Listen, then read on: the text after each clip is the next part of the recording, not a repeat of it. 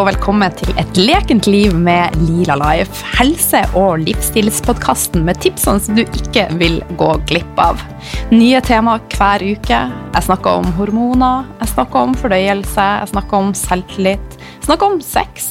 Jeg snakker om eterisk olje, egentlig alt mellom himmel og jord som kan være med og gjøre at livet blir mer balansert og lekent. Noen ganger er det meg, og noen ganger så har jeg med meg spennende gjester som har motivert meg på en eller annen måte. Og hvem er jeg? Jeg er Line. Jeg er næringsterapeut, yogalærer, jeg er veileder i bruk av eteriske olje. Jeg er mamma og jeg er kone. Jeg har en brennende interesse for en naturlig helse. Og sjøl har jeg vært alvorlig syk i mange år, og nå er jeg snart 43 og mer vital enn noen gang. Og det er min drive. Jeg har lyst til å vise at det er mulig å gjøre en stor forskjell med små endringer. Brikke for brikke, steg etter steg. Det er rett og slett mulig å endre noe vanskelig til noe godt. Så det er min motivasjon. Jeg blir kjempe, kjempeglad om du deler eh, podkasten min med kjente og kjære, og jeg håper at du får masse læring og utbytte av eh, et lekent liv med Lila Life. Så legg gjerne igjen også eh, ei tilbakemelding på iTunes eller Spotify, og så tar jeg deres tilbakemeldinger med der. Og har du tema du vil jeg skal legge litt eh, ekstra energi på, og kanskje ta opp, så del. Ja, da er jeg klar for en ny episode av Et lekent liv med Lila Life. Og i dag så har jeg med meg hun, eh, Trine Berge, som er en av Norges fremste livsstilsforledere innen supermat, raw food og sunn livsstil. Hun har eh, eh, skrevet flere bøker, hun er yogini og har også de siste årene jobba masse online. Hun er skikkelig superdame, rett og slett. Så jeg er super, superglad for å ha hun, eh, Trine med i dag, og hjertelig hjertelig velkommen. Tusen takk, Line. Du, Trine. Eh, fortell oss aller først. Hvordan starta dagen din? Uh, hvordan, jo, han starta litt sånn hyrten og styrten. Ja. Jeg fikk jo nemlig en melding fra deg om jeg kunne liksom bare stille opp på kort varsel.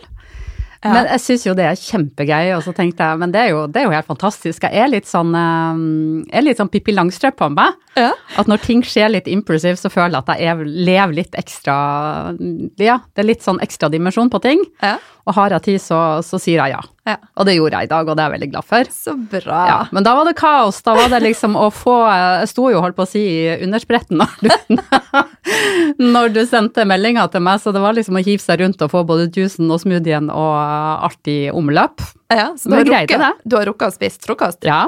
Fortell oss, hva spiste du til frokost?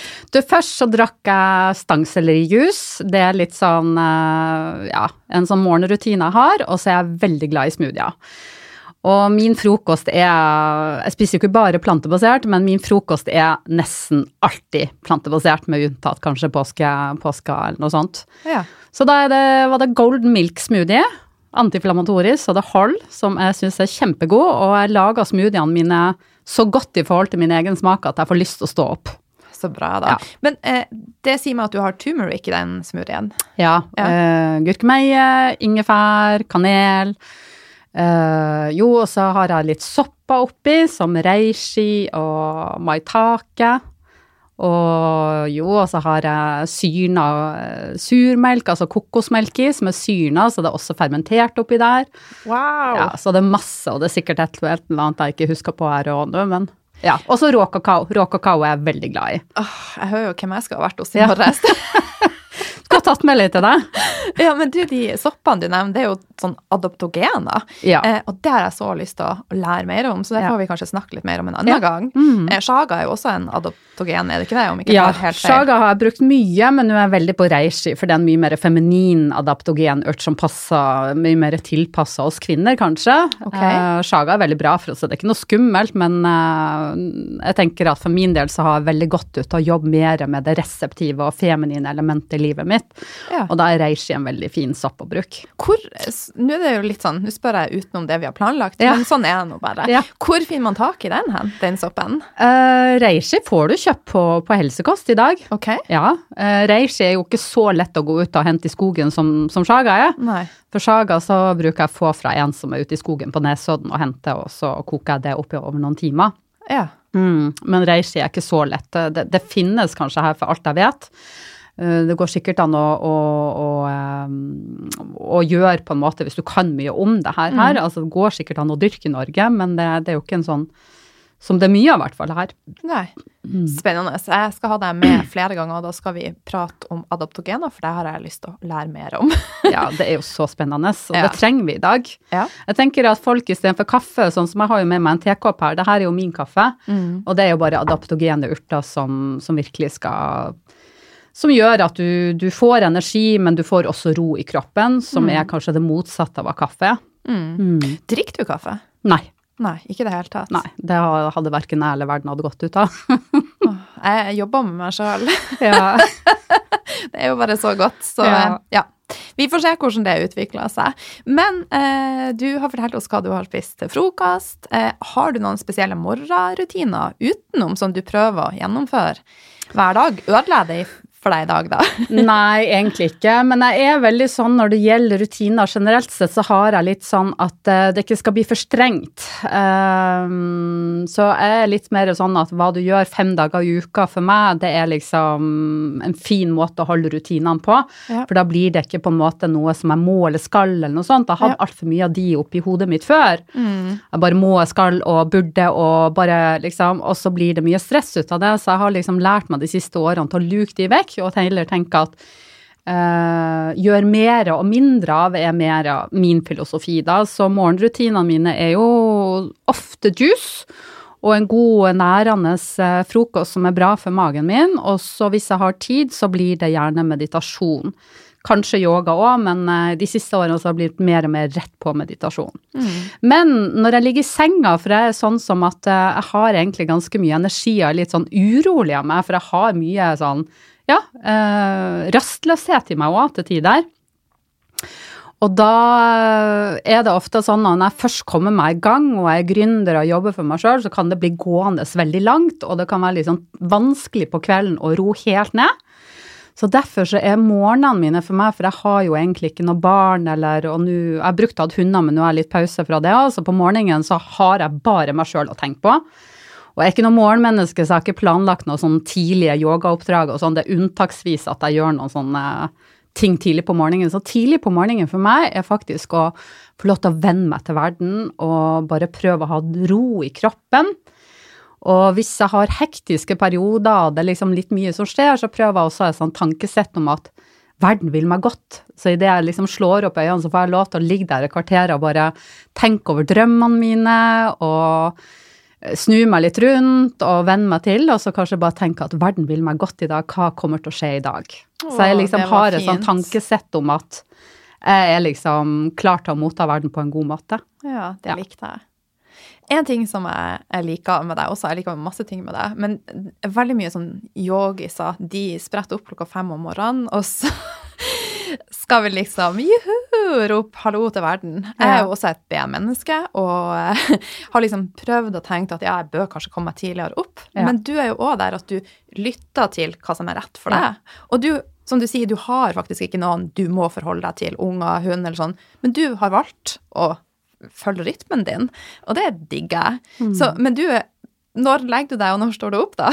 Vet du hva, jeg er så fornøyd, at eh, jeg vet ikke, men det er sikkert mange som kan kjenne seg igjen at man kan liksom Hvis man har liksom øh, prøver å få seg til å gjøre noe, så gjør man det nesten enda mindre. Ja. Ikke sant? Det er sånn, eh, øh, uten at det er det vi snakker om, det er sånn typisk de som prøver å slanke seg, de legger bare på seg, ikke sant? For du blir så fokusert på det, og så begynner du på en måte å sabotere deg og gjøre alt annet, ikke sant? Um, så det har vært litt vanskelig for meg å legge meg tidlig, fordi at jeg liker også, som jeg sa, den roen på morgenen, men jeg liker også den roen som jeg kan få på kvelden, når andre har gått til ro. Ja. Eh, og da mener jeg ikke de i huset, men i byen. Verden, ja, jeg er veldig høysensitiv, og det her la jeg merke til da jeg bodde jeg flytta ut av Oslo. Jeg er jo ikke fra Oslo, jeg er fra Bodø, sånn som du er, men jeg bodde jo her i mange år, og så flytta jeg til Nesodden, som var et veldig rolig sted. Og så plutselig så kjente jeg at jeg hadde ikke behov for å være oppe så seint, fordi at den roen var der konstant. Mens i byen så likte jeg meg etter halv elleve Ja. på kvelden. Da fikk jeg min space. Ja. Og så slo det meg her at det har litt med den der eh, byvibben, at folk begynner å gå til ro da. Og da er jeg mottakelig, og på, på et eller annet sub, uh, ubevisst plan så får jeg det med meg. Ja. Men eh, langt svaret til det vi skulle frem til, nå har jeg faktisk klart å begynne å legge meg tidligere, så nå legger jeg meg sånn i 11.30 tolv-tida er målet. ja. Og jeg er fornøyd hver gang jeg klarer det før klokka tolv. For det er så mye som skal skje, ikke sant? Ja. Du skal plutselig gjøre det, og så skal du gjøre det, og så glemte du det, og så Ja. skal du lese litt. Ja. I Og I know the ja. feeling. Mye som skjer, vet du. Ja. Så nå legger jeg meg i hvert fall før tolv, og det er jeg så fornøyd med før, så kunne hun fort bli liksom et, eh, i hvert fall, liksom. Ja. Eller rundt ett, da. Så eh, Men fremdeles så har jeg ikke veldig lyst til å stå opp tidlig på morgenen. Nei. Og jeg har et privilegium å gjøre det. Mm. Men så er det jo litt rart, for det var du som sa òg i sted at så føler man kanskje at man burde gjøre det. Mm. Så et eller annet sted så tenker jeg jo at et normalt menneske jeg burde jo liksom stå opp litt tidligere. At jeg burde stå opp liksom halv åtte. Mm. Men jeg finner det veldig vanskelig å gjøre det. Mm. Og da syns jeg du faktisk skal holde deg til ja, det. i Mm. hvert fall til det skjer naturlig. Mm. At det er noe jeg gjør av glede, og at det har på en måte en hensikt. Ja. Så koser jeg meg over det andre. Ja, herlig. Du, eh, for de som ikke har eh, hilst på deg før og vet så mye om deg, fortell litt mer om din bakgrunn og hvordan du kom inn på det med en naturlig livsstil og Ja, rett og slett om reisa di. Ja. Jo da, hvor mange timer har vi? jeg er jo 48 år, så det blir jo noen. ja, nei da. eh, jeg begynte, vi kan jo begynne liksom der jeg begynte med det, det som egentlig gjør at jeg sitter her i dag, da. Eh, I 95 så begynte jeg å se på livet mitt og tenkte at eh, jeg har alltid hatt en dragning mot det åndelige og litt sånn eh, Jeg liker egentlig ikke å si alternativet, men det er kanskje et riktig ord å bruke her, som havna om det. Og naturmedisin og alltid syns at sånt Jeg blir helt stille hvis folk begynner å prate om det, og astrologi og alle sånne type ting har alltid vært noe som jeg har vært veldig nysgjerrig på. Drømmer og alt mulig. Eh, og i 95 så kjente jeg at jeg hadde mye ubalanse i meg. Uh, eller rundt den tida så tenkte jeg nå er tiden inne å gjøre noe. Og så begynner du bare å møte folk, ikke sant. Det er jeg sikker på at du har gjort òg, Aline. -huh. At du har begynt å tenke på noe, eller du kjenner at noe begynner å skje i livet, og så begynner du å opptre og dukke opp mer og mer. Og det skjedde for meg i 95. Plutselig så var det venner jeg møtte som hadde ei bok å gi meg, eller liksom et eller annet, og jeg begynte å se på krystaller og meditasjon og detox. Og det skjedde liksom, når det skjedde, så skjedde egentlig ting ganske fort. At jeg begynte med detox og tanketrening og ikke minst takknemlighetsøvelser. Og eh, begynte å prøve å se litt på drømmer, og ikke minst da kostholdet, som var veldig viktig for meg. At jeg reagerte på veldig mange ting da. Ja. Ja. Du var egentlig veldig forut for din tid, for det her er jo sånne ting som er veldig poppis i dag, da. Krystaller og Ja, ikke sant? Det ja. det. Så da Så jeg liksom føler meg jo litt sånn, eh, litt sånn dinosaurus på det området, at liksom alle de tingene de eh, Og og det var jo veldig litt sånn sært i 95, det var jo egentlig nesten ikke noe du kunne snakke om, Nei. før du ble nesten sett på som en sånn raring, og jeg sprang jo rundt med alger, folk liksom Er de levende, de algene? Kan de bite meg? Ja. Jeg bare, Hva er det slags spørsmål? Nei, de er jo tørka, liksom, så jeg tror ikke det. Ja, så jeg begynte tidlig. Ja. Mm. Men når begynte du å jobbe for deg sjøl? Og så vet jeg også at det kom til et eh, punkt der ting var vanskelig. Du rett og slett kjente at du måtte gjøre noe annerledes. Du møtte veggen, rett og slett. Ja, og. Den, den har jeg nok kjent på flere ganger, for jeg er en person som brenner. Ja. Ja, jeg har veldig mye rett og slett eh, driv i meg. Mm. Og jeg føler meg egentlig som en Espen Askeladd i form av at eh, jeg finner noe, så vil jeg dele det med verden. Ja. Hvis jeg finner noe som har effekt for meg, så blir jeg så glad. Ja. Og så blir jeg litt sånn uh, happy, uh, halleluja, misjonær, liksom. Ja. Jeg vil rett og slett da dele det med verden, og det er jo Espen Askeladd, ikke sant. Se her, se her jeg fant. Så eh, i 98 så begynte jeg altså å starte for meg sjøl, da. Ja. Og foreldrene mine var gründere, så det var veldig naturlig for meg å ta den interessen jeg hadde fått i form av å være en gründer istedenfor å kanskje bli en lege eller terapeut eller noe sånt. Jeg har jo også gått, eh, ikke legeutdannelse, men jeg har jo tatt forskjellige terapeututdannelser. Men jeg likte, jeg syns det var vanskelig å Eller ikke vanskelig, men jeg liker bedre å jobbe med grupper enn én-til-én-person. Det er faktisk, og det har tatt meg mange, mange år å finne ut av. Og så starta jeg jo for meg sjøl da i 98 eh, med å åpne opp da det grønne rommet, som etter hvert ble Supernature. Ah. Ja, så 2. mai, så det er liksom Det er ganske tett på et jubileum her. Ah. 2. mai 98, så det er jo jo 21 år siden. wow. Så starta jeg opp på Jungstorvet, og så tenkte jeg at det her er, hadde vel et par tusen i husleie, så jeg tenkte går ikke det her, så må jeg liksom ikke selge hus og hjem. Nei. Nei. En ting vi har felles, vi har veldig mye felles, vi er jo tvillinger, Ja. to. Ja. Og, nei, så da er jo, jeg har lært noe nytt. Jeg er også en Espen Askeladd. Ja. Jo, men tvillinger er jo formidlere. Ja. Vi, vi, eh, vi på en måte Drivstoffet vårt er kommunikasjon og formidling. Det blir vi veldig glad av. Ja. Ja. ja, jeg kjenner meg veldig igjen i det. Men du kom, på et eller annet punkt så kom yoga inn i livet ditt. Fortell oss litt om det, og hva yoga rett og slett gjør for deg. Altså, yoga kom jo inn i en tid i meg. ikke sant? Når jeg begynte i 95, så var yoga det var ikke noe, altså det var ikke inne i det hele tatt. Altså, Verdensbildet kunne ikke ha sett mer annerledes ut enn i dag. Meditasjon eller qigong eller tai chi var langt mer inn, liksom, og det prøvde jeg, og det syntes jeg var kjempegøy. Og meditasjon var liksom det, det jeg på en måte prøvde meg på som jeg syntes var kjempevanskelig, fordi hvis jeg klarte det, var helt fantastisk, men herregud, å få en, jeg holdt på å si en tvilling, til å sitte i ro og ikke tenke på noen ting, liksom, det var ikke lett. Så jeg brukte jo å sette meg i sånn fargebad med blått for å prøve. Altså badekaret med blått vann, og så bare prøvde jeg, og så fant jeg ut mantra var helt fantastisk. Ja. Det var det, for da hadde jeg en lyd så jeg kunne sitte og chante om og om igjen, så det var stort for meg. Det var liksom det jeg grep tak i.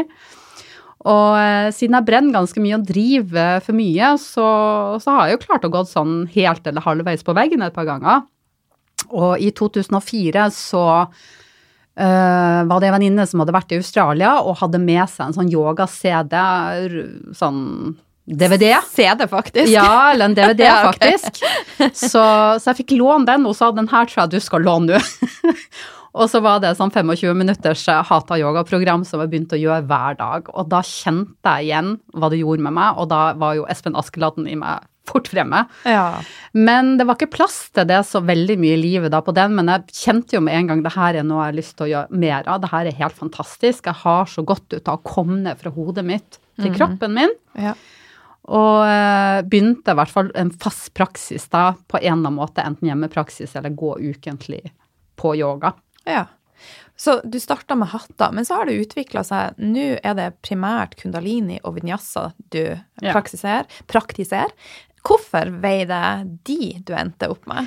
Vinyasa var egentlig det første jeg begynte med sånn utenom den der hjemme-DVD-en, da. Ja. Så var det Og det er jo Vinyasa syns jeg er så fantastisk, for det er så lekent. Ja. Eh, men du kan jo også roe det helt ned, men det der lekne og er nok en person som, som liker meg når vi kan, eh, kan leke litt og ha det gøy. Ja. Og at det ikke blir for strengt, for det er ting som jeg kjenner også har i meg, men som, som det, det gir meg ikke noe energi.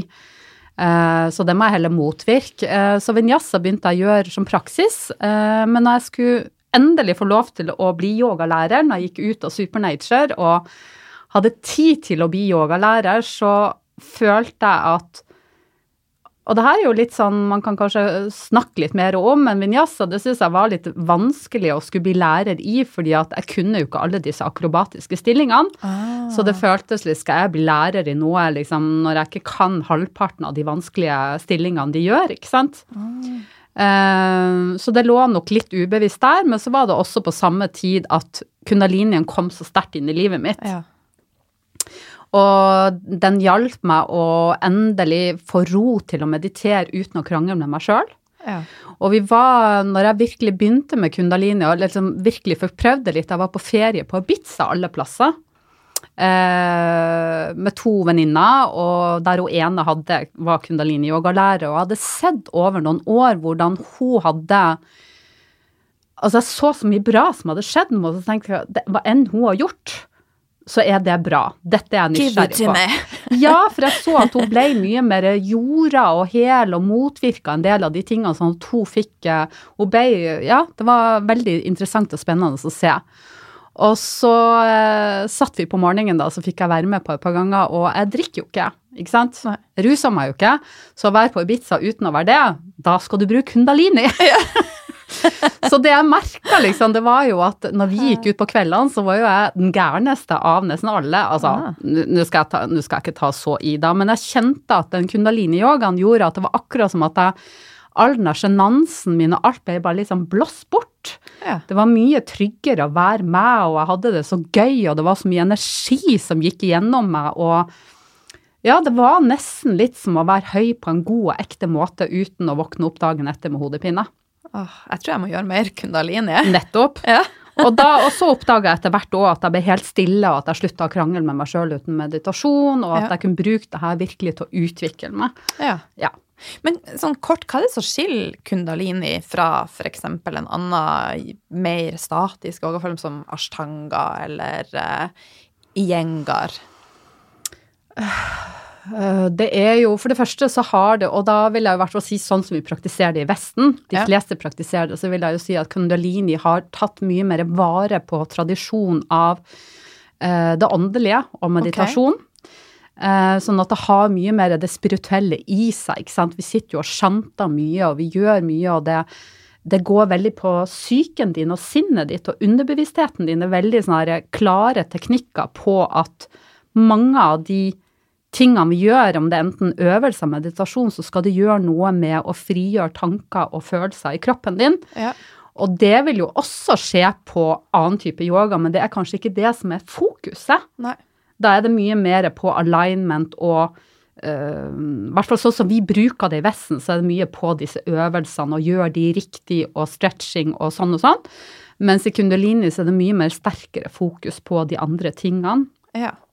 Og at du skal utvikle deg og bli på en måte Uh, ikke et annet menneske, men mye mer deg sjøl. Ja. Og det er vel det som han Yoga Bayan sier, at det, altså det er din føderett å være glad.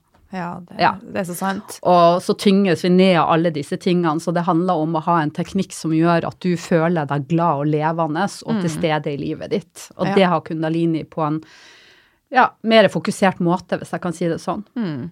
Men eh, dine tanker og refleksjoner er jo veldig spennende på det med at du ikke ville ta den utdannelsen for at ikke du mestra de vanskelige øvelsene. Og tenk hun Kari i gata som aldri har gjort yoga, Mm. de bildene hun har av yoga. Så hvordan kan vi ufarliggjøre yoga, sånn at, og faktisk få folk til å forstå at det er noe vi kan starte med i det små? Ja. Har du noen tips der? Altså, Nå har jeg jo tatt vinyasa-yogautdannelsen, og er så glad for det, fordi at det er så lekent for meg. Ja. Jeg elsker det, og har også skjønt at det ligger ikke å gjøre noe perfekt. Og det er vel det Nei. vi må innse som mennesker, at vi må, vi må se at eh, Og det her tror jeg du med Lila Life virkelig kan enes om, at livet det er jo et sted vi skal, skal utfolde oss og lære oss ting, og vi må tørre å gjøre feil. Det handler ikke om å være perfekt, det handler om å få lov til å blomstre og være hel.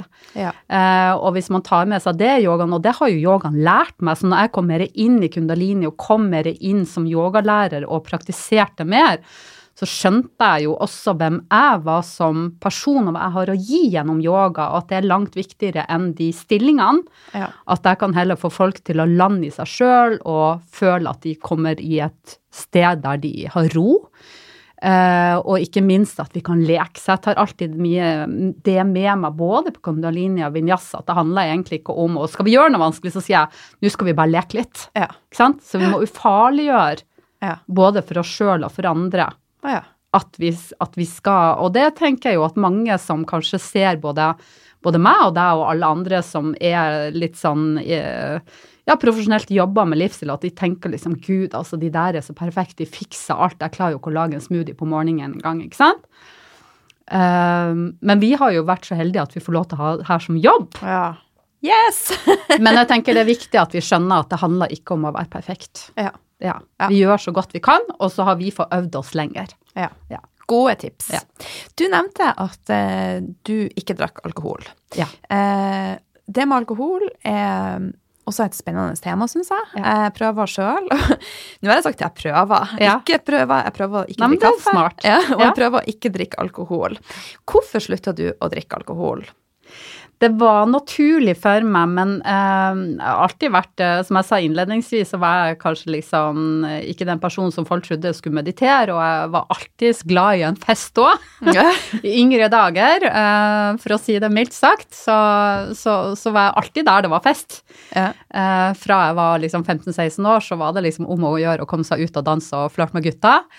Eh, og alkohol var jo en del av det. Mm. Men etter hvert, eh, så når jeg kom mer inn for da spesielt meditasjon, og det her begynte å bli mer jobben min, jeg ble jo meditasjonslærer, og jeg drev Supernature og jobba veldig mye med bevissthet, så ble jeg ganske sensitiv, og jeg merka at jeg reagerte sterkere på alkohol enn før. Og så er jeg litt sånn Jeg er jo typisk norsk og egentlig ganske så sjenert. Men så er det en litt sånn eh, rebell i meg som blir litt sånn fandenivoldsk og tenker at jo, men desto mer grunn til å la være. Da må du bare lære deg, da må du bare stoppe eh, og, og slutt, og så får du lære deg hvordan du kan gjøre det uten alkohol. Ja. Og det ser jeg jo at liksom vi nordmenn, vi trenger ofte et par øl eller et par glass vin for å slappe av. ja. For vi har det så trangt inni oss. På en måte. Vi, liksom, vi er liksom litt redd eh, for å vises og ta plass og være oss sjøl. Og kommunisere og være. Og hvis du f.eks. drar til USA, så vil du merke at folk de, danser mer de, de tar seg en øl eller et glass vin fordi at de er tørst fordi de har dansa. De, dans, de har ikke tatt seg et glass vin eller øl for å danse. Nei. Som alle nordmenn og kanskje skandinavere egentlig trenger, da. Ja. Så, men det var rett og slett at jeg begynte å reagere annerledes. Jeg ble trøtt. Jeg hadde vel også på den tida candida. Mm. Og da fikk jeg veldig vondt i magen av det, og det ble bare naturlig at jeg bare tenkte at det her, det, det har ikke plass i livet mitt. Nei. Og hvordan har du merka Har du at det har gjort en forskjell for helsa di, da? Sånn generelt, å holde deg unna?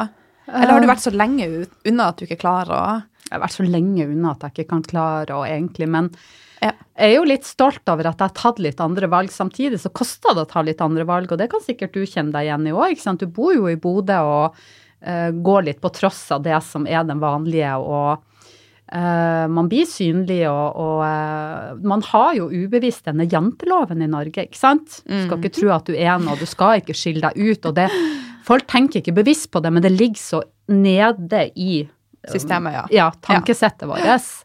Så skill deg ut og være annerledes. Det er på en måte noe jeg liker, men samtidig så er det litt vågalt og eh, litt skummelt òg. Ja. Ja. Men i sosiale settinger sånn, nå har du, du har funnet en måte å deale med det på? Det er ikke Ja, noe det måtte jeg jo gjøre for mange, mange år siden. Men Ja. jeg har jo, sant, jeg, er jo, jeg har jo veldig mange venner som er Mange av de drikker, men de drikker veldig lite, liksom, så det er ikke så mye tema. Og så har jeg bare gjort det som en regel at hjemme hos meg så drikker vi ikke. Ja. Ja. Det var en veldig fin regel. Ja, det tenker jeg. Akkurat som når jeg kommer hjem til deg, så er vi i ditt hus, og da er det dine regler. Ja. Så når vi er hos vennene mine på middag og alt mulig sånn, så er det vin og sånt, men det er Og det er det samme på retreatene mine, så har jeg ikke alkohol med. Fordi jeg tenker at folk har bare gått ut av å finne et sted der de kan kjenne på andre ting.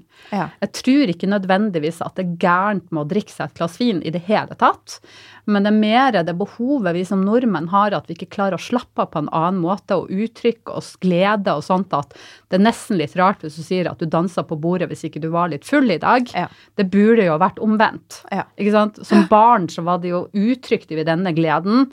Så blir du plutselig 18-19 år, og så er det at du på en måte må drikke litt grann for å være litt gæren. Og det Mm. tenker jeg, det er liksom litt sånne ting vi kan tenke litt på. ja. Veldig gode innspill som eh, ja, Ja. jeg tror veldig mange vil ha nytte av. Ja, ikke sant? Og derfor så ser jeg at når vi er hos meg, eller når vi er på retreat eller noe sånt, fordi det jeg merka, det her var jeg veldig overraska over sjøl, det var jo det for at jeg var jo glad i en fest, og jeg elska jo å drikke god vin og sånt. Det var rett og slett bare at plutselig så smakte ikke vin godt, det smakte bare surt. Det sånn, kan du smake på det her, for det her smaker jo surt, du må feil med vin. Nei, den smaka helt bra. At det var akkurat som at det var liksom kroppen min bare sa ifra at det her vil den ikke ha. Ja. Um, men så oppdaga jeg jo plutselig at hvis jeg var sammen med andre som ikke drakk alkohol, og vi hadde en middag, så var det jo nesten enda mer koselig, for det ble så nært og ekte. Du har ikke sløra sansene dine. Smakene på maten ble nesten enda sterkere, ikke sant. Fordi det er igjen at uh, Så jeg, det var liksom veldig overraskende for meg. Og så så jeg også, for før så brukte jeg jo Jeg brukte jo å gå mye ut og danse. Og var litt sjenert og litt sånt, og måtte ha kanskje ei eller to øl før jeg hadde lyst til å slenge meg løs. ja. Og så merka jeg at det egentlig hadde jo bare med at jeg kom inn og ble varm i trøya og fikk landa litt i lokalet, så egentlig hadde det kanskje ikke så mye med en øl å gjøre. Det handla om at jeg fikk en halvtime, tre kvarter på meg til å bare Her er vi! ja. Og når vi er hos meg og sånn, så ser jeg jo at Vet du hva, eh, vi har det alltid gøy i vennegjengen min. Vi har veldig stor takhøyde når det gjelder humor. Og vi ler alltid mest når vi er hjemme hos meg. Så bra. Ja, Når vi ikke har drukket. Vi har det kjempekoselig, men vi har lagt merke til sjøl det andre av de her at, at det liksom Ja, vi er veldig frisluppne av oss, for vi koser oss og slapper oss av. Ja. Og vi er en setting Det er litt vanskeligere hvis halvparten drikker og halvparten ikke drikker. ja. Da blir det et skifte. Også, ja, og den ja. energien vil jo ligge der. Ja. Og så føler kanskje de som er, ikke drikker, at de nesten blir litt sånn eh, Ja, ikke sant. Det blir en forskjell på Mm. Ja. Så min, mitt råd er i hvert fall at alle burde være på samme sted. Ja. og da får du den kosen, Ja. merkelig nok. Og så er jeg jo 43, og selv nå på fester, når jeg velger å ikke drikke, da, så får jeg spørsmål hvorfor drikker du ikke. Ja. Er du gravid, eller er, er du på en diett? Altså, det er veldig mye Ja. fordommer. Så der har vi en vei å gå. Eh, og jeg tenker at dette skal jeg også ta frem som et eget tema i Ja. podkasten. Og også se på litt på For det er mange grunner til å være forsiktig med inntaket av Mm. alkohol. Det påvirker hormonene våre, det påvirker Mm. signalsubstansene, candida, som du nevnte. Mm. Og det legger jo et slør på følelsene våre. Ja. Og det er jo det jeg tror at vi i Vesten og vi, vi, er, ikke, vi er ikke vant til å jobbe med oss sjøl, så vi bare tenker at vi må undertrykke alt det vi kan. Ja. Vi har ikke noe bedre å gjøre. Nei. Med mindre man har begynt med yoga, meditasjon og, eller en annen teknikk som på en måte der du begynner å rydde litt og kjenne litt på ting og tørre å kjenne på ting, Ja. så syns vi bare det er ubehagelig, for vi vet ikke hva vi skal gjøre, og så bruker vi sukker og mat og alkohol. Mm, for døyv og Ja. ja. For det gjør det lettere. Og det du nevner også med at smaksløkene dine og reaksjonene dine blir sterkere når, altså Det har jo noe med at vi kommer mer og mer i balanse. og Ja. Da vil man få sterkere reaksjoner. Så det er så utrolig spennende. Det er det. ja. Men du, du har jo skrevet flere bøker, annet om raw food, supermat, beauty food. Men eh, veldig mange tenker på deg som en veganer. Ja. Det er du ikke. Kan ikke du fortelle litt om det? For det er litt spennende, syns jeg. Ja, altså jeg bruker jo aldri egentlig ordet veganer, for det er jeg jo ikke. Eh, og jeg er veldig glad i en som jeg Og det der vet jeg også du er opptatt av, Line, og det syns jeg er så gøy å, å, eh, at vi er her og snakker om det her og blir mer kjent, fordi at du snakker jo også mye om mye og mer, ikke sant. Mer og mindre. 80-20, ikke sant. Og det samme gjør jeg. Uh, og jeg er bare veldig glad i det plantebaserte, og uh, i mange, mange år så var det veldig mye lavkarbo. Men så har jo jeg jobba med detox, det var jo noe av det første jeg begynte med i 95. Detox, detox, detox. Og hadde fantastiske resultater, og begynte også med kurer som gikk over uh, to måneder og sånt. Og da begynte jo det veganske, eller øh, og, og kom mer og mer opp da, så jeg har egentlig brukt det i faser når jeg har detoxa, det var det første. Ja. Og så øh, jo, og så har jeg jo vært opptatt av supermat, og da er det jo liksom veldig mye smoothier man ofte bruker når man skal ha i seg på en måte supermaten som mer konsentrert, i hvert fall eksempel greens og litt sånn på morgenen. Og så i 2010 så stakk jeg på en retreat eh, som var med bare råfood, og fikk fantastiske resultater. Og da var, ble jeg så inspirert at jeg dro hjem og helt uten å ha planlagt det her, bare spiste plantebasert. Nei, ikke bare plantebasert, jeg spiste faktisk litt rå fisk, eh, men bare råfood i tre måneder. Og hadde ekstremt god effekt av det. Og så gikk jeg av, og så når jeg skulle skrive den boka Råfood, så prøvde jeg, så tenkte jeg nå må jeg gå helt inn og så sjekke. Både for å få frem de beste oppskriftene, men også være fra en plass hvor denne boka skal skapes. Og det som jeg legger merke til, er jo at hvert fall, Og jeg er veldig sånn åpen for at vi er ulike. Vi har veldig mye likt, men vi har litt ulike gener og blodtyper og det ene om det andre. sånn at uh, hva som er bra for meg, trenger ikke å være det som er riktig for deg. Og jeg tror vi også endrer oss i forhold til årstider og livssituasjoner. Så jeg har liksom med årenes løp lært meg til at det fins ikke noe sånn evig fasit på hva som er riktig. Eh, og jeg merka i hvert fall personlig at i starten når jeg går over til plantebasert, og da snakker jeg selvfølgelig om næringsrikt plantebasert, Ja. for det kan jo være bare å spise pasta og brød òg, ikke sant. Og det er det jo veldig mange veganere som gjør òg, det handler bare om at Og det får jo være opp til dem, men for meg så har jeg jo at ting skal være helhetlig bra helse òg, da. Men jeg merka veldig mye vitaliserende kraft, og at alt blir renere og klarere og alt sånt. Men etter noen måneder så er det akkurat som at det begynner å reversere, og at jeg mista litt av den vitaliteten. Det er et eller annet kroppen sier til meg at det er noen næringsstoffer du ikke får i deg nå. Ja, Men tilbake til Vi, vi, vi tar det, og så Men fortell oss den effekten du kjente da på raw food. Ja. Kan du spesifikt si hva du kjente? Altså det korrigerte jeg hadde f.eks. når jeg hadde Jeg har jo vært på mange detoxer, og eh, det jeg syns var så festlig å snakke om å feile livet, ikke sant. Mm -hmm. Når jeg har eh, gjort detox før, så har det jo vært disiplin i form av faste, ikke sant. Eh, mye disiplin, mye faste. I, og da mest jusfasta. Um, og så plutselig kom jeg på råfood, og så kjente jeg herregud, jeg kan jo spise all den her gode maten. Alle de fine fargene her. Ja. Og så likevel få en kjempeeffekt. Jeg trenger jo ikke å sitte og bli sår i munnen min og bare spise juice og liksom Ja. fokusere alt i hodet mitt på at det her er riktig og disiplin, liksom. Og du, du får jo mye ut av det òg, men herregud, så mye bedre det er å spise og kose. Ja. Så det var jo også den effekten at jeg ser at her får du så mye av detox-effekten allikevel, selv om du bare spiser og gomler i deg gode ting hele veien. Uh, og så hadde jeg da en uh, sånn type musarm, ikke sant. Hadde vært altfor mye på, på dataen min og på mobilen min. Så jeg hadde hatt en sånn kronisk betennelse i, i uh, håndleddet. Og da hadde jeg liksom prøvd å smurt meg med ting. Jeg hadde, liksom, jeg hadde jo supermat og liksom prøvde mye. Eh, men tre-fire dager ute i den retreaten så forsvant den og kom aldri mer tilbake igjen. Wow. Så det var litt sånn oh shit, her jobber vi med inflammasjoner på Ja. Når det er noe du har liksom drevet på lenge og prøvd og prøvd og prøvd, og så får du et gjennombrudd, så blir det litt obs. Du skulle ha hatt eteriske oljer, da. Jo, men jeg er sikker på at jeg prøvde det òg. Jeg smurte på kremmer, jeg gjorde alt mulig, liksom. Ja.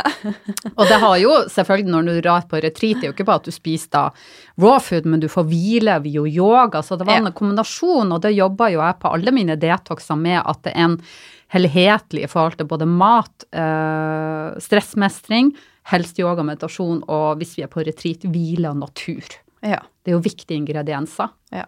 Og så sa du at du kom til et punkt der kroppen din og intuisjonen fortalte deg at jeg trenger noe annet. Hva var løsninga da? Det var litt artig. Vi har jo vært litt, jeg har jo nevnt litt sånn drømmer og sånt her. Jeg har jo alltid vært opptatt av å forstå litt eh, drømmer, for det er jo underbevisstheten din som snakker hele tida. Og da eh, husker jeg i hvert fall andre gangen så, så Og da var det en veganer, altså han var veganer i det, i det ekte livet. Så kom han i drømmen, og da spilte han en hund. Ja. Så han liksom kom bort liksom som en sånn gående på fire som en hund, og så hadde han en sånn svær, blodig biff okay. i munnen. Og så liksom bare liksom kom han sånn bort, og så bare slang han det liksom borti den der matskåla mi. For jeg var også tydeligvis en hund, da. Og liksom bare skubba den bort til meg, liksom bare sånn Du, jenta mi, nå må du ha litt kjøtt. Og så jeg bare våkna opp med den og måtte bare le litt. Så tenker jeg, For jeg får av og til litt sånn drømme, og av og til veldig eksakt ta akkurat det nå. For litt siden var det bringebær. Ja. Jeg liksom bare våkna med at liksom jeg drømte om bringebær eller et eller annet. Så jeg tok det som et tegn, og akkurat da så gikk jeg også til en akupunktør. Ikke så ofte, men da var jeg innom han og hadde bestemt meg for at jeg skulle tenkt at nå må jeg ha nok, eh, noe animalsk føde i meg. Så tar han pulsen meg, og så sier han Trine, er det lengst siden du spiste spist kjøtt nå? Ja, fordi at jeg holdt på å skrive bok, og ja, jeg tror du skal dra hjem nå og få i deg noe viltkjøtt. Og jeg har jo, altså jeg er veldig opptatt av bærekraft og har et veldig stort bankende hjerte for dyr. Men jeg tenker jo at Altså, her kommer man nesten inn på noe religiøst, fordi at hvis man sier ordet Gud i Norge, så er det jo plutselig inn i kirka. For meg så handler Gud om natur, det handler om noe veldig mye større som man ikke skal sette i en bås. Men jeg tenker at jeg har jo ikke blitt skapt feil. Det er jo egentlig ikke noe feil med meg innerst inne.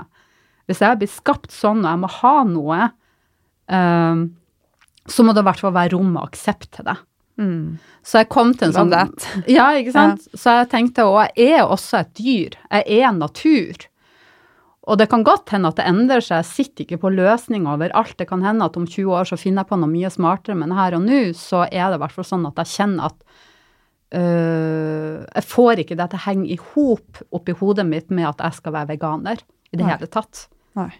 Eh, ja. Så du lytter rett og slett til hva kroppen din trenger? Jeg syns det er viktigere Ja. enn å lytte tankene og hodet ditt. Ja. Uh, og eh, så jeg fermenterer jo, jeg koker jo kraft og Men jeg er jo opptatt av at det skal være ren mat, da. Ja. Men når det er sagt, når jeg kommer til ja, Stakkars broren min, han blir brukt mye på kursene mine. Men eh, det er fordi at liksom ikke sant, Familie er jo ofte noe man på en måte er veldig glad i, og ikke velger sjøl. Vennene mine de speiler nok mer interessene mine. ikke sant? Men når jeg kommer til han, så er det kanskje han har vært på, på svenskehandel og kjøpt en svinebiff. Og så er det liksom alt oppi der fra hermetisk sopp og alle mulige ting som ikke jeg ville brukt. Men så er jeg så takknemlig for at jeg får lov til å spise middag med han, og at de inviterer meg. Og at vi også bor i en del av verden hvor vi kan velge hva vi skal spise. Så den takknemligheten tror jeg vi må ta med oss. Så når det er sagt, så, så spiser jeg alt med takknemlighet, og på julaften så begynner ikke jeg å regjere hjemme og si at vi skal gjøre det på den eller den måten. Da spiser jeg den svineribba som mamma vil ha, som er mest mulig fettfri, og som absolutt ikke er økologisk eller noen ting som helst. Jeg tenker det er en plass til alt, og balanse og aksept, og ikke tenke at alt skal være perfekt, og at det må være det, at det er rom til ting. Mm. Det er så viktig å ta med seg å være inkluderende for folk. Så tror Ja. jeg også tankesettet da, når vi spiser den ribba som du nevner, Ja. eh, er med og også, og i hvert fall på en viss måte regulere reaksjonene vi får i egen kropp. Måten du, altså om du lager mat i kjærlighet, altså den energien, vi er jo energi, det er jo det vi egentlig er, alt annet er jo bare liksom materie. Eh, Så jeg tenker jo at uh, den steiten du Og da, og da kommer man tilbake til også hvordan det dyret hadde, men ikke bare dyret, med planten, jorda, vi menneskene som har sanka inn. Og det er jo der uh, de store diskusjonene her i dag. Ja. Uh, dype diskusjoner, men uh, også det mindsettet vi har i forhold til liksom at vi skal vinne og vinne og vinne, og vi vinner jo ingenting med det tankesettet som er i verden i dag, der alt skal produseres for å tjene mest. Vi taper så mye på det. Men jeg tenker vi er i evolusjon, og det er bare en del av der vi er, og at vi på sikt vil finne ut at vi må jobbe med jorda og ha respekt for alt som er på jorda. Ja. Uh, også vi som arbeider med det, og dyrene og plantene. ja. Again, love that. Ja. Du, uh, stress. Eh, du har fortalt at du har eh, møtt veggen et par-tre ganger. Det har jeg også. Ja. Tvillingene, Espen Ja. Askeladden. Ja. Eh, hva er dine beste tips i forhold til å håndtere stress? Hvordan håndterer du stress sjøl? Går du fortsatt på noen smeller? Å ja, hele tida. Fordi at jeg er et høysensitivt vesen, og jeg har så mye driv i meg, og så mye jeg vil utrette hele tida. Samtidig så er jeg veldig sensibel og eh, har nok et litt sånt nervesystem som er ganske åpent. Eh, Og det er jo derfor ikke jeg drikker kaffe, for eksempel, for jeg blir jo, jeg, blir jo, jeg sitter jo bare og skjelver, liksom, og rister. Eh, men uh, så, så absolutt, så det er noe jeg må Altså, jeg tenker at du må finne ut hvem du er, ikke sant, og noen er mer disponibel for andre typer ting. Og for meg så er det stress. Uh, det er veldig viktig. Jeg har nok pressa meg for mye før. Eh, men uh, selvfølgelig adaptogene urter og yoga og meditasjon, det har en veldig sty, eh, stor innvirkning på meg. Men eksempel i dag når jeg bare får det her i hurten og styrten og må liksom bare Og klokka er en time for jeg skal være i studio, ikke sant? og jeg har en million ting jeg skulle ha gjort før den timen er ferdig, så er det jo litt sånn idet jeg går av bussen, så er det bare å kjenne at Puste ut, gå litt sakte. Ja. Så jeg kan motvirke og så bare kjenne at Jeg skjønner at jeg er stressa nå, men hvordan, hvordan ville det ha vært hvis jeg ikke var stressa nå? Ja. Hvordan ville det ha vært hvis jeg hadde masse tid nå? Hvordan føles det ut? Og for meg så blir det ofte litt sånn, for da kjenner jeg med en gang hvordan det ville ha føltes ut, og så prøver jeg å være i det. Mm. Og tenke at jo, men det er mye bedre. Og det er jo ikke alltid man klarer det. Så det handler litt om å, å gjenkjenne og observere seg sjøl og tankesett. Eh, og så er det jo også, som jeg vet du er veldig opptatt med, som jeg også er veldig glad i disse eteriske oljene. Mm. De er jo, eh, så, så jeg tenker at optimalt sett så burde vi ikke trenge noen ting som helst. Vi burde bare sitte og puste og være avslappa og være vel med oss sjøl. Men så vet vi så godt alle sammen at det er jo ikke alltid sånn det henger sammen, og det er mye jobb for de fleste som kommer dit i et hektisk eh, liv. Og da er det veldig greit å ha både olje, eteriske oljer og adaptogene urter og yoga og meditasjon som, som verktøy. Ja. Ja. For deg som hører på nå, så litt av forhistoria var jo at eh, hun Trine inviterte henne i siste eliten i dag pga. Eh, akutt sykdom på den hun Nina som egentlig skulle være med. Og Trine hadde blitt invitert senere. Så hun er en veldig spennende dame, så jeg er så glad for at du er her. Men og bare det å faktisk være så spontan og det viser jo en stor eh, For det første livsglede, tenker jeg. Eh, og også en, en frihet, som vi har prata om. Så det sier meg at du er kommet ekstremt langt i prosessen, for det, de færreste ville ha stilt opp. At du bare gjør det her sånn, det er helt fantastisk, og det setter jeg utrolig stor pris på. Men det tenker jeg også, det er så viktig for vi som jobber med helse. Jeg tenker det er så mye med helse som er egentlig fryktstyrt, Ja. som handler om redsel. Sant? Fordi at vi vil ikke dø, vi vil ikke være syke, vi er så redd for de tingene at vi kan nesten gjøre hva som helst for å ikke. ikke sant? Det er ofte der vi gjør helseforebyggende tiltak. ikke sant? Ja. Eh, men så tenker jeg at du må jobbe deg derfra til at det handler seg om å faktisk favne mer om livet. Og det tror jeg du som har Du har jo Lila Life som, som slagord, ikke sant? Det Ja. lekne livet, er det ikke det? Eh, jo, jo. Ja, så det handler jo da egentlig om å livet på å, å tørre å leve det helt og, og finne ut hvem du er. Mm. Jeg har jo begynt å bade i kaldvann i de siste åra. Jeg var jo den siste personen som noensinne trodde jeg skulle gjøre det. Sammen med meditasjon, sammen med alkohol. Altså, jeg har gjort så mange ting i livet som jeg ikke trodde bodde i meg, og som men som egentlig har vært de største skattene. Og synging, f.eks. Chanting. Nå er jeg jo blitt sånn at jeg vil jo bare synge hele tida. Ja. Så jeg tenker vi har så mange ting i oss som vi ikke aner bor i oss, og at livet er en skattejakt. Ja. Og at når vi da eh, begynner å jobbe med oss sjøl, så må det handle om å ikke kontrollere livet mer og mer. For det er jo det det ofte handler om. Men til å faktisk kjenne at du blir sterk nok til å frigjøre deg, Mm. og kunne gjøre det som du ikke har kontroll over, på en måte. Og just go with the flow, rett og slett. Just go with the flow, og, bare, og det er jo da livet begynner Ja. virkelig å bli levende. Ja. Ja. Men du, isbading, Ja. hvorfor gjør du det? Nei, gud vet.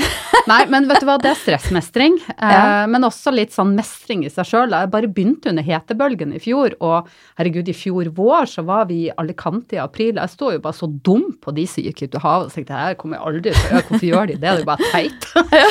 Jeg kan ikke falle meg inn, liksom. Jeg bader bare når det er så varmt at jeg må. Men så skjedde jo at det var hetebølge i fjor. Og jeg har soverom på et loft, så jeg måtte gå ned på kveldene, til, for jeg bor ikke så langt unna sjøen. Så jeg begynte å gå ned på kveldene for å kjøle meg ned. Ja. Og begynte å gå ned på egen hånd, og så bare fortsatte det. Og så tenkte jeg kanskje ut september. og så ble det kanskje ut oktober, og så var det sånn jeg kommer i hvert fall til å gi meg når det blir snø. Ja. Men så blir man jo litt sånn fandenivoldsk òg, ikke sant. Men jeg har det der at jeg tvinger meg ikke, for det har jeg gjort mye før. Ja.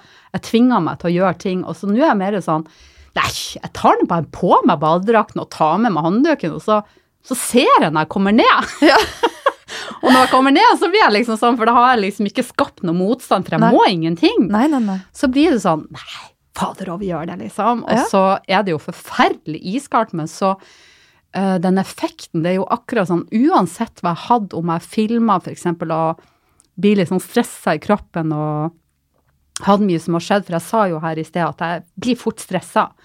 Så nulles det fullstendig ut idet jeg går ut i vannet. Da begynner dagen min på nytt. Wow. Og jeg, blir, jeg er jo sensitiv, så det er akkurat som at havet bare tar over meg. Så alt om det hadde om jeg hadde hatt vondt i magen av at noen hadde liksom fått et lite sjokk, så er jeg sikker på at havet hadde tatt det òg. Liksom. Det er bare akkurat som at det, alt fjernes. Mm. Kjenner du andre effekter av det? Det er først og fremst på stress, men jeg så immunforsvaret mitt har blitt sterkere. Men det er ikke så godt å si, for jeg gjør både liksom ildpust og kraft og fermentering, ikke sant. Så, Mm. Men jeg ser spesielt i, for, i forhold til stress, og at jeg har blitt enda sterkere på hvis jeg kan gjøre det, som ikke hadde trodd at jeg kunne bade i det hele tatt, ikke i september engang, hadde ikke falt meg inn. Så hvis jeg kan bade i kuldegrader, så tenker jeg, men hvem er jeg? Jeg kan jo gjøre alt, egentlig, bare har lyst til det. Ja. Så det har gitt meg en sånn enorm styrke på at jeg kan prøve meg på andre områder i livet som, som kanskje føles litt vanskeligere ut. Og så er det jo selvfølgelig sirkulasjon og immunforsvar og alt det her, Ja, ja, det er jo det de, og det er jeg helt enig om. Altså, du kjenner jo kroppen din vibrere når du går ut av vannet. For blodårene trekker seg jo sammen, Ja. gjør det ikke det? Ja, Ja. Så gjør at det setter i gang både lymfe- og blodsystem. Ja. Det skal jeg òg teste. Jeg har bada én gang i vinter. Ja, ja. Da kom og bad med meg du i morgen. Ja, Vi bada jo i fjor sommer i lag. Ja, jeg og du og Melissa. Ja, ja, ja. Men det, det var jo en god start. Ja, det var en god start. Og det var vel under hetebølgen. Ja, Ja. På Sørenga, om Ja. ikke jeg husker helt feil. Og da, det var en utrolig eh, trivelig kveld hvor Mm. vi eh, brukte 20-regelen, hvor vi nøyt en pizza i lag, til tross for at vi verken tåler ost eller Eller gluten, eller Ja. alt det andre gode Men vi som er spiste glutenfri pizza da, men Ja. med ost. Og Med jeg ost, husker fortsatt den følelsen når vi satt der, hvor deilig det var Ja. å faktisk bare nyte og go Mm. with the flow. For Ja. der var også et impulsivt møte. Ja. Jeg sendte melding 'Skal vi møtes, Trine?' og, ja, så i løpet av en time så hadde vi møttes på Sørenga. Ja. Vi sykla, jeg og Melissa, og Ja, ikke sant? ja. Det er da livet skjer, når det ikke planlegges. Ja, det er så mm. herlig. Eh, på nettsida di så står det at eh, altså, du ønsker å feire livet hver en dag. Vi har prata om isbading, vi har prata om frigjøring, vi har prata om yoga, kosthold. Eh, Jeg tror ikke folk tenker på isbading som å feire livet, de tenker på det som noe grusomt. det er din måte å feire livet. ja, absolutt, det er det. Det var et godt innspill. Ja. Men hva er dine beste tips til å feire livet hver en dag, og prøve å gjøre Ja. hver en dag verdifull, rett og slett? Eh, Skjønn sjøl at du er verdifull og vil deg sjøl godt, og skjønn at livet vil deg godt. Og det handler egentlig om tankesett. Vi må jobbe litt med tankene våre og få litt mer rom. Um, og da er det jo takknemlighet. Det var faktisk noe av det første jeg gjorde. Det var en sånn, jeg tror jeg hadde lest det i bok eller noe sånn, at vær takknemlig hver dag er fem minutters øvelse, liksom. Så jeg bare lå i senga og ramsa opp det jeg var takknemlig om. Og hvis det var noe som hadde skjedd den dagen som var negativt, så prøvde jeg bare å omgjorde det til det noe positivt. Og så så jeg etter tre uker, så var det sånn Shit, det er et eller annet som har skjedd. Alt er jo så mye bedre. Det er liksom, Livet er så positivt. Og så begynte jeg bare Oi, jeg tror den takknemlighetsøvelsen jeg har gjort hver dag i tre uker, har snudd om på ting. Fordi ja. jeg var ikke opptatt av det negative lenger. Og det du fokuserer på, blir det jo mer av. Så det liksom, er det en religion jeg har, så er det takknemlighet.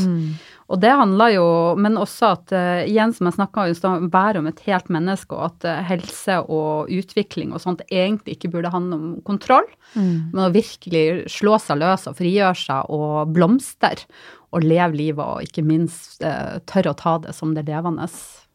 Ja. Uforutsigbare det er, på godt og ondt, men å feire det så godt vi kan. Du, helt på tampen også, eh, hvem har inspirert deg på din vei? Dette er et spørsmål utenom eh, Ja, gud, nei, du, det, det er sånn, hoi, hvem er det? Eh, I hvert fall en som, altså, du inspirerer meg, mange inspirerer meg. Jeg syns du er superdyktig, og eh, Tusen takk! eh, I like måte. Ja, takk. Og går jeg eksempel på en spinningtime, eller altså det gjør jeg sjelden, men skulle jeg gå på en aerobic-time og, og føle meg skikkelig dårlig en dag, så ser jeg plutselig det er en gammel dame på 80 år der, eller på 70 år, så tenker jeg hvis hun kan, så kan jeg. Ja. Så hun kan inspirere meg noe vanvittig òg. Ja. Og se liksom folk som egentlig ikke har kanskje forutsetninger til, til å gjøre noe. Sånne folk inspirerer meg som veldig. Ellers er det jo Byron uh, hva, Byron Katie? Ok, jeg, Ja. det har jeg faktisk ikke hørt om. Hun er helt eh, Hun er liksom Skulle jeg valgt ei mor eller bestemor, så, så er det hun. Ja. Eh, men hun jobber jo liksom eh, Hva er det hun har som slagord? 'Loving what is'. Elsk det som er der, og jobber mye med tankesettet ditt om at du du må bare akseptere realiteten sånn som den er, og at egentlig alt vil deg godt, og enhver opposisjon til det er egentlig bare en illusjon, liksom. Altså hvis du prøver motsatt av realiteten, så, så har du tapt. Eh, så hun er jeg veldig fascinert av, men jeg tenker at livet inspirerer meg hele tida. Mm. Det er utrolig viktig det du sier der, og et av mine store forbilder er bestefaren min. Han er jo 93 nå, Ja. eh, og jeg vet ingen som har opplevd mer tøft i livet enn han. Han mista flere barn, og, men han jeg bruker å spørre Sto du opp tidlig i dag, far? Han bare nei, jeg lå nå i senga. Jeg bare hva gjorde du? Nei, jeg lå og kjente på hvor heldig jeg er som lever og får Ja. være her. Og det er jo det samme du sier. Ja. Altså det, vi er nødt til å se det gode. For Ja. at hvis vi er styrt av frykt, og hvis vi er styrt av Og det er vi. Ja, Vi må bare prøve å skape rom til det andre. ja. Mm. Jeg tror det, det, det er håp. ja. Men jeg syns det er så fint at det, det du sier med bestefaren din. Ja. Og det syns jeg altså litt sånn Jeg må si jeg ser opp, jeg har noen eldre venninner eller venner, og de ser jeg sånn opp til Altså de som lever livet, som ikke bare sier at nei, det er jeg for gammel til, uh, det, liksom, det er for seint, men at de mm. har en venninne, hun tok lappen, hun var over 60 og begynte med ny utdannelse, liksom, altså sånn at de, de, lever som at det alltid er en ny morgendag, de mm. inspirerer meg. Fantastisk. Ja. Og hver dag er jo en ny start. Og vi ja. har nye muligheter hver dag. Ja. ja. Og i dag når jeg våkna da, og hun, Nina hadde, det hadde skjedd noe uforutsett, da hadde jeg to valg. Enten se negativt på det og tenke at åh, dagen er ødelagt, eller være positiv og hvem er den mest inspirerende personen nå som jeg kan ta kontakt med og få i studio? Og så sa du ja! Selvfølgelig. Klart det, altså. Yes. Ja. Jeg er så glad for at du ble med i dag, Trine. Og du kommer tilbake flere ganger. Tusen takk. Ja, og da skal vi prate om adoptogener, blant annet, for det har jeg lyst til å lære mer ja. om. Ja. Så da takker jeg så mye for i dag. Og så, helt på slutten, hvor kan folk finne deg hen? Hvor kan de connecte med deg? Altså, trineberget.com ja. er, jo, det er jo nettstedet mitt, og der uh, tilbyr jeg forskjellige ting. Og, så har jeg, og der vil du jo finne linkene til ellers. Jeg har jo Facebook-side og Instagram-side. Så har jo Trine Berge eh, sånn lav slash på Instagram, og så er det jo bare å gå til Trine Berge, den offisielle Facebook-sida mi. Så der har jeg jo livesendinger og Inspirert av deg, vet du, Line. yeah! yeah! Så vi gjør så godt vi kan, men jeg er veldig glad for å få lov til å jobbe og, og møte så mange fine mennesker, både av kollegaer og, og, og, nå ut og få lov til å formidle, som er hjertet mitt. Ja. ja. Tusen takk for at du deler. Nå tror jeg vi må gå og finne oss i kombucha ta, ja. og nyte livet. Og ta en naturlig skål. Hoppe i sjøen her. Ja. Tusen takk for i dag. Eh, vi høres. Eh, alle delinger er varmt mottatt. Sharing is caring, som sønnen min sier. takk for i dag. Ha det.